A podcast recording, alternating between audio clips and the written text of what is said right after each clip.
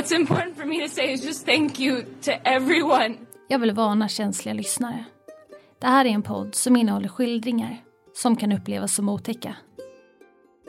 Ni ska nu få lyssna till ett fall som fått enormt mycket medieuppmärksamhet. Gärningsmän som döms gång på gång. En undermålig utredning. Med 20-åringen Amanda och 23-åringen Raffaele i spetsen.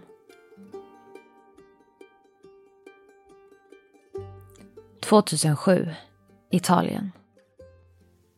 En död flicka ligger på golvet bredvid sin egna säng. Någon har täckt över kroppen med ett täcke. Bredvid henne ligger det en bh. Hela rummet är fullt utav blod.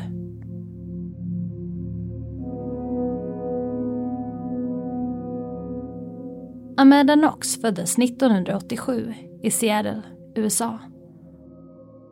Hon växte upp tillsammans med sina tre yngre systrar och sina skilda föräldrar.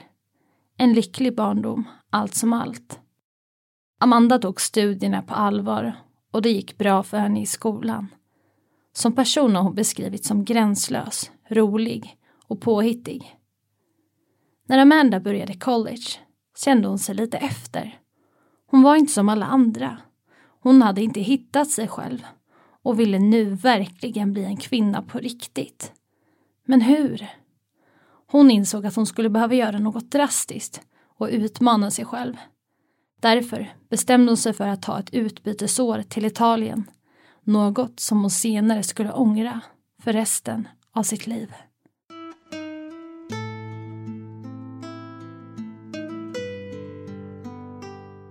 Amanda tog flyget från USA till Perugia, Italien.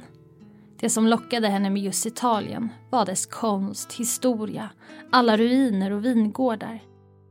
Amanda flyttade in i ett stenhus, ett kollektiv, där hon bodde tillsammans med andra studerande kvinnor. Huset hade utsikt över en hel dal, en fantastisk utsikt över Italiens grönområden och stenhus. Under de första veckorna i den nya staden strosade Amanda mest runt. Hon upptäckte det nya området tillsammans med några nyfunna italienska vänner samt en engelsktalande kvinna. Hela livet hade plötsligt blivit så bra. Hon bodde perfekt, gjorde allt som hon så länge velat och lärde sig samtidigt det nya språket. Amanda hade varit inställd på att det skulle bli mycket studerande i Italien, men så blev det inte. Till skillnad från hennes tidigare studier i USA var de italienska studierna inget i jämförelse med allt plugg där hemma. Amanda insåg att i brist på studier och nu när hon upptäckt stora delar av Italien var det bäst att skaffa ett jobb. Och det var en lätt match. Hennes utseende i Italien var unikt. I Seattle var hon söt, men i Italien var hon unik med sitt blonda hår och sitt amerikanska utseende. Hon fick snabbt jobb på en bar Chefen över baren hade sagt att hon kunde locka vilken man som helst in på stället. Därför var hon perfekt för jobbet. En dag bestämmer sig Amanda för att gå på en konsert där klassisk italiensk musik ska ljuda. Hon är där själv och det gör henne inget. Hon ska nu få njuta av musik. Men innan konserten börjar tittar en ung man på henne. Han ler mot henne. Hon ler smått tillbaka. Italienaren Raffaele. Han går fram till henne och de börjar prata. Raffaele kan prata lite amerikanska och ibland kan de konversera med den italienska som Amanda lärt sig. Det går snabbt. De blir förälskade. De börjar umgås. Raffaele tar med Amanda till nya utsiktsplatser. En dag går de upp för några berg, ser de italienska vyerna. Där och då kysser de varandra. Hjärtat slår snabbt i Amandas bröst. Hon är kär. Efteråt åker de hem tillsammans och har sex. Det är första gången Amanda är kär och känslan är fantastisk. Amanda och Raffaele gör allt tillsammans. De äter på restauranger, går på italienska marknader, studerar ihop och mer därtill. Raffaele är generös och köper presenter till Amanda som den äkta italienska romantiken. Det är de två under några dagar. Men snart går den där italienska drömmen i tu. Amanda har sovit över hos Raffaele kvällen innan Och nu, den 2 november 2007, är hon på väg hem till sitt hus som hon bor i tillsammans med några andra tjejer som studerar i Italien. Det är morgon och den italienska solen värmer henne där hon går. När Amanda kommer fram till huset är ytterdörren öppen. Amanda går in i vardagsrummet, men ingen är där. Amanda kollar också in i sitt egna rum för att försäkra sig om att allt är normalt. Därefter klär hon av sig och går in på toan för att duscha. Vid badrummets handfat ser hon några droppar blod. Men det var ju bara några få droppar. Inget konstigt enligt henne. Skitsamma. Amanda borstar tänderna och tar en dusch. Men när hon duschat klart och hon går ut från duschen ser hon några större fläckar med blod på badrumsmattan. Återigen tänker hon att det inte är en stor sak. Någon har väl rakat benen och råkat skära sig. Amanda börjar föna håret, fortfarande i badrummet. Hon ser då att det ligger avföring i toaletten. Nu reagerar hon starkare. Det var konstigt. Någon har alltså bajsat och sen inte spolat ner sitt bajs. Amanda får kalla kårar. Någon måste vara i huset ändå.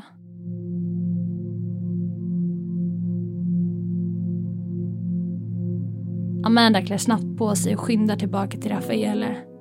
Hon berättar om det märkliga som inträffat i huset. Om blodet, dörren som varit öppen och bajset i toaletten. Han följer med henne till huset. Han är förvånad.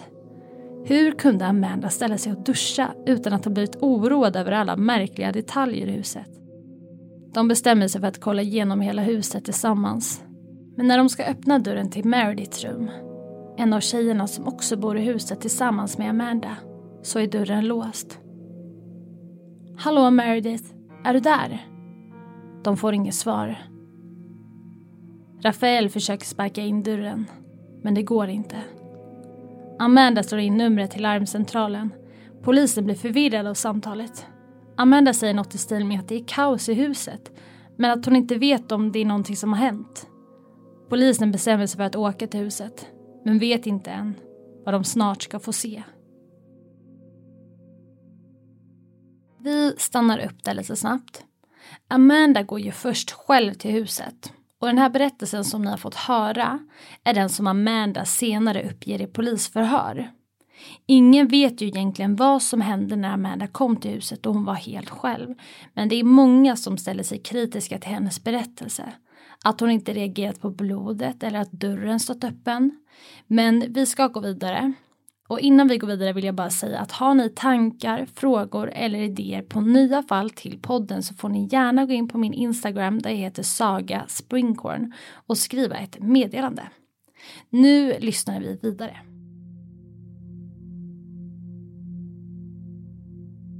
Polisen går in i huset. Rafael och Amanda berättar om den låsta dörren. Och polisen sparkar snabbt in den. Rummet är fullt av blod. En ung kvinna ligger övertäckt på golvet. Död. Bredvid henne ligger en bh. En bh som är sönder. Det är alltså den 22-åriga Meredith som har hittat stöd i huset. Och allt tyder på mord. Det finns tecken på att den unga kvinnan har hållits fast. Kvinnan har märken på armarna och det verkar som att hon stretat emot.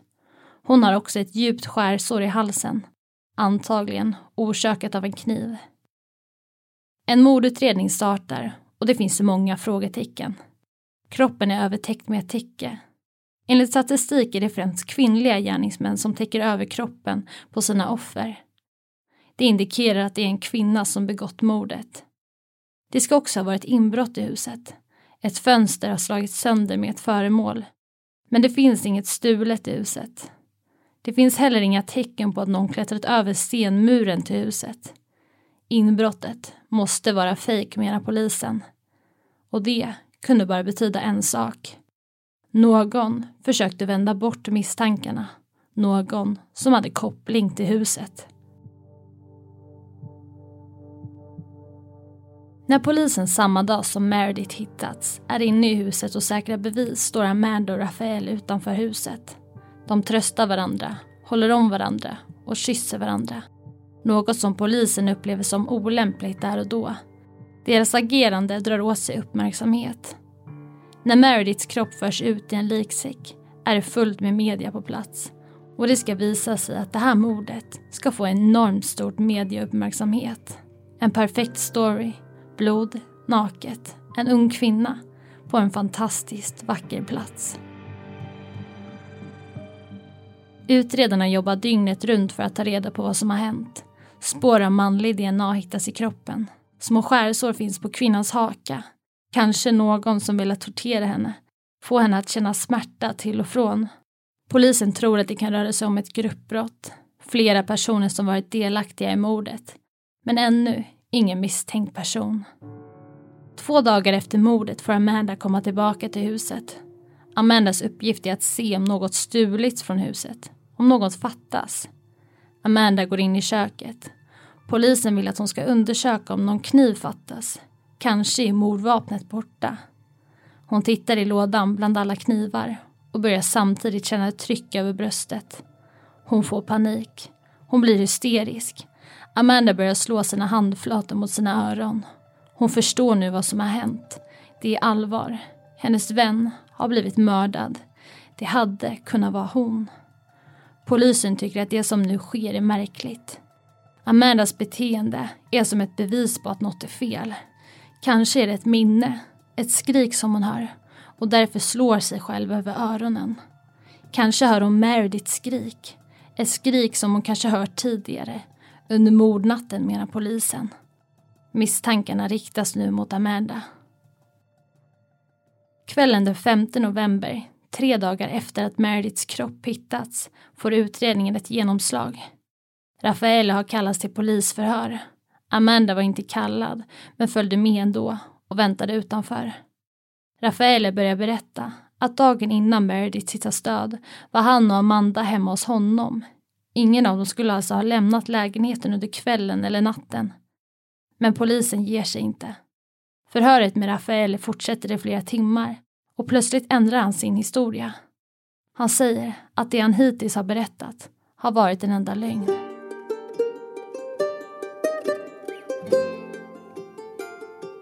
Okej, nu börjar det hända saker. Amanda har sagt till polisen att hon och Rafael kvällen under mordet tittat på en film, ätit middag och haft sex innan de somnat. Men Rafael ändrar sin historia och säger nu att Amanda bett honom att ljuga för polisen. Och här vill jag också tillägga då att Rafael och Amanda har endast känt varandra i några få dagar. Så det är extremt svårt för polisen att urskilja vem som talar sanning. Rafael säger att Amanda egentligen inte varit i lägenheten under kvällen. Hon kom hem till lägenheten klockan ett på natten, säger han. Någon talar sanning och någon ljuger. Vi går vidare.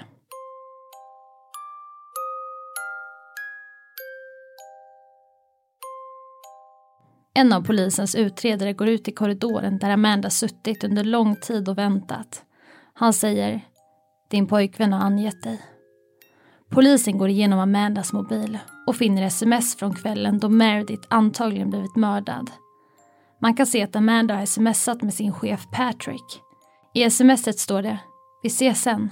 Ha en bra kväll”. Polisen tolkar smset som att Amanda har bestämt träff med Patrick. Amanda menar att hon fått veta att hon inte behövde komma in på jobbet den kvällen och därför smsat honom att han skulle ha en bra kväll och att de ses sen, alltså en annan dag. Amanda förstår ingenting. Hon är alltså misstänkt. Men hur? Amanda gråter under polisförhören som är timmars långa. Hon har senare berättat att polisen slagit henne i huvudet om och om igen under förhören och skrikit “Minns! Minns!” Amanda började se bilder i huvudet. Hon ser gatan framför Rafaeles lägenhet. Hon ser hur hennes dörr in till huset som hon bodde i öppnas. Hon får en bild av hennes chef Patrick iklädd en läderjacka och Meredith som samtidigt skriker. Kanske betyder det att Patrick dödat Meredith framför ögonen på henne. Polisen förstår ingenting. Chefen Patrick arresteras liksom Rafael och Amanda. Alla tre är nu huvudmisstänkta. Media går på högvarv. Journalister och fotografer över hela världen bevakar fallet. Amanda vinklas om och om på olika sätt i pressen. Hela världen följer och många människor har redan bestämt sig. Det är Amanda och Rafael som är mördarna, utan tvekan. Journalister hittar många kryphål. På Amandas MySpace hittas en bild där hon gapar och ler samtidigt som hon håller i ett maskingevär. Hon låtsas avfyra geväret. Man hittar också en bild på Raffaele iklädd en mumiedräkt hållandes i en köttkniv. Det sprids också rykten om Raffaele och Amanda. Någon har hört dem stå och prata om deras vilda sex bara någon dag efter mordet. En vän till Amanda berättar att hon betett sig minst sagt märkligt i väntrummet in till polisen innan hon blev anhållen. Hon hade gjort stretchövningar, hjulat och kysst Raffaele intensivt. Den mediala bilden som också nådde ut till samhället fick dem att se ut som två gränslösa gärningsmän. Samtidigt målades den döda Meredith upp som en fantastiskt ung och vacker kvinna. Det måste ha varit ett sexmotiv för mordet. Perfekt, då pressen också fick tag på Amandas dagbok. Där hade hon skrivit upp alla som hon haft sex med. Något som hela världen nu fick ta del av. Samtidigt fick Amanda som genomgått en medicinsk utredning reda på att hon hade hiv. Tre veckor efter att chefen Patrick blivit gripen lägger han fram ett starkt alibi och blir frisläppt. Det finns bevis för att han inte befunnit sig på mordplatsen.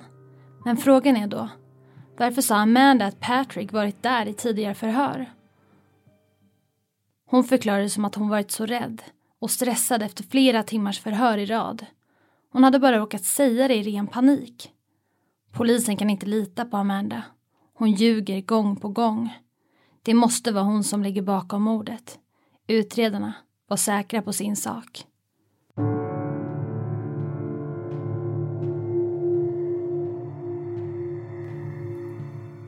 Polisen gör nu också stora framsteg i utredningen. Man hittar mordkniven hemma hos Raffaele i en kökslåda. Det finns DNA från Amanda på handtaget av kniven. Merediths DNA återfinns på knivets blad. BH-spännet som hittas bredvid Merediths döda kropp har DNA från Raffaele på spännet som gått sönder. Troligtvis under mordkvällen. Men det finns också annat DNA som inte överensstämmer med varken Raffaele eller Amanda. Istället är många av fingeravtrycken i huset från en man vid namn Rudy. Rudy var känd för en rad inbrott i Italien och har beskrivits som en hal typ. Rudys DNA var det som också fanns i Merediths vagina, i badrummet och på flera andra ställen i huset. Problemet var bara att Rudy lämnat landet. Polisen vet inte var Rudy är, men får en unik möjlighet. En av Rudys bästa vänner hjälper polisen att komma i kontakt med Rudy via ett Skype-samtal. Rudy berättar att han varit hemma hos Meredith en kväll innan mordet. Kvällen efter hade han kommit tillbaka för att träffa Meredith. De hade tänkt ha sex, men varken han eller Meredith hade någon kondom, så det blev inget. Han går sedan till badrummet men hör då ett skrik. När han kommer tillbaka till Merediths rum ser han hur hon ligger blodig på marken. Han ser också hur någon flyr ut genom ytterdörren. Det är mörkt, så det går inte att se ansiktet. När polisen och Rudy lagt på luren får polisen ett meddelande på Skype-chatten. Rudy skriver.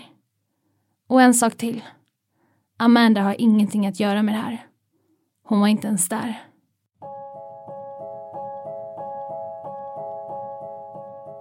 Rudy kallas in genom en internationell häktningsorder och grips.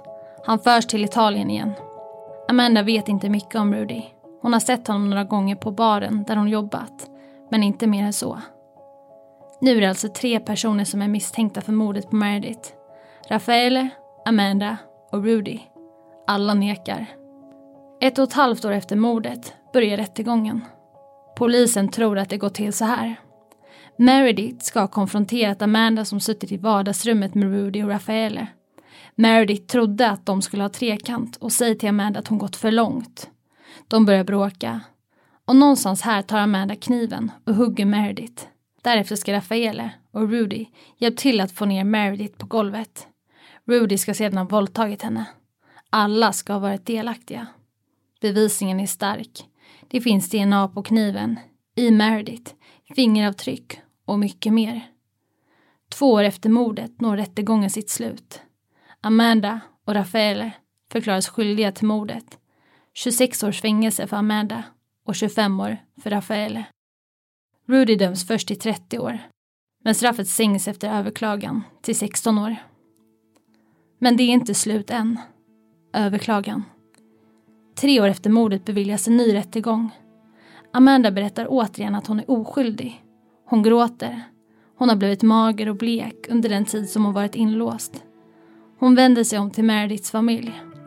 Hon säger att hon är ledsen, men att det inte är hon som har gjort det. Nu ska också en oberoende part granska fallet. Har all bevisning hanterats på rätt sätt? Stämmer de DNA-spår som fällt Amanda och Rafaele under den tidigare rättegången? Och där brister det. En oberoende expert menar att polisens hantering av bevis, DNA och material varit minst sagt problematisk. Experten pekar bland annat på polisens första steg i huset. Media var på plats och filmade utifrån.